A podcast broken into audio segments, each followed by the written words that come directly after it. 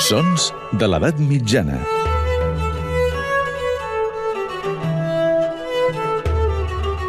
Amb Maria Montes.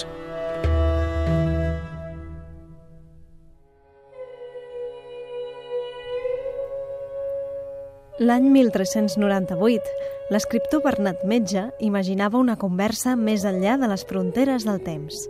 En la seva obra Lo somni, l'autor parlava amb el difunt rei Joan I, dit el Caçador, que havia mort dos anys abans. Metge l'havia conegut de prop i posava en boca del monarca les paraules següents. Jo m'adeleitava molt més que no devia en caçar i escoltar amb gran plaer xantres i ministrers. Totes aquestes coses eren mal fetes, mas jo em confessava i combregava sovint i penedia-me'n, però no tant que no m'hi tornàs algunes vegades.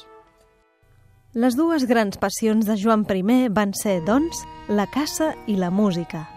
El seu pare, Pere el Cerimoniós, havia estat amant del luxe i els grans fastos a l'estil francès, i durant el seu regnat, l'activitat musical de la cort havia crescut fins a nivells mai superats fins aleshores. Però, tot i així, el rei Joan encara va anar més lluny.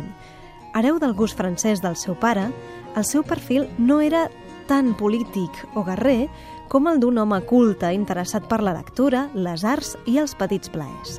Sembla que va escriure poesia i va posar música a un rondó, però cap d'aquestes contribucions ha sobreviscut al pas del temps.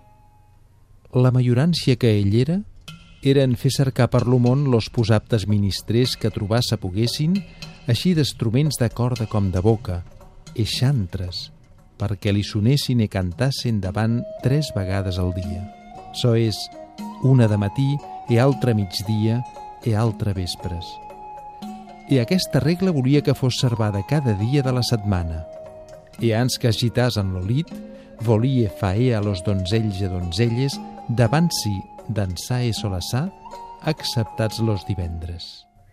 Pere Miquel Carbonell és l'autor d'aquest fragment de crònica, on se'ns presenta Joan I com a gran mecenes musical a qui agradava sentir música tres cops al dia i veure dansar els joves abans d'anar a dormir.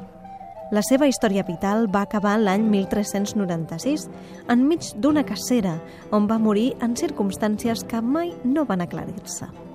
Acabava així un període únic d'intensitat musical a la corona catalano-aragonesa.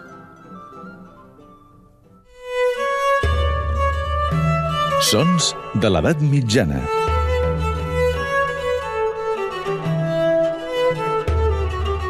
Amb Maria Montes.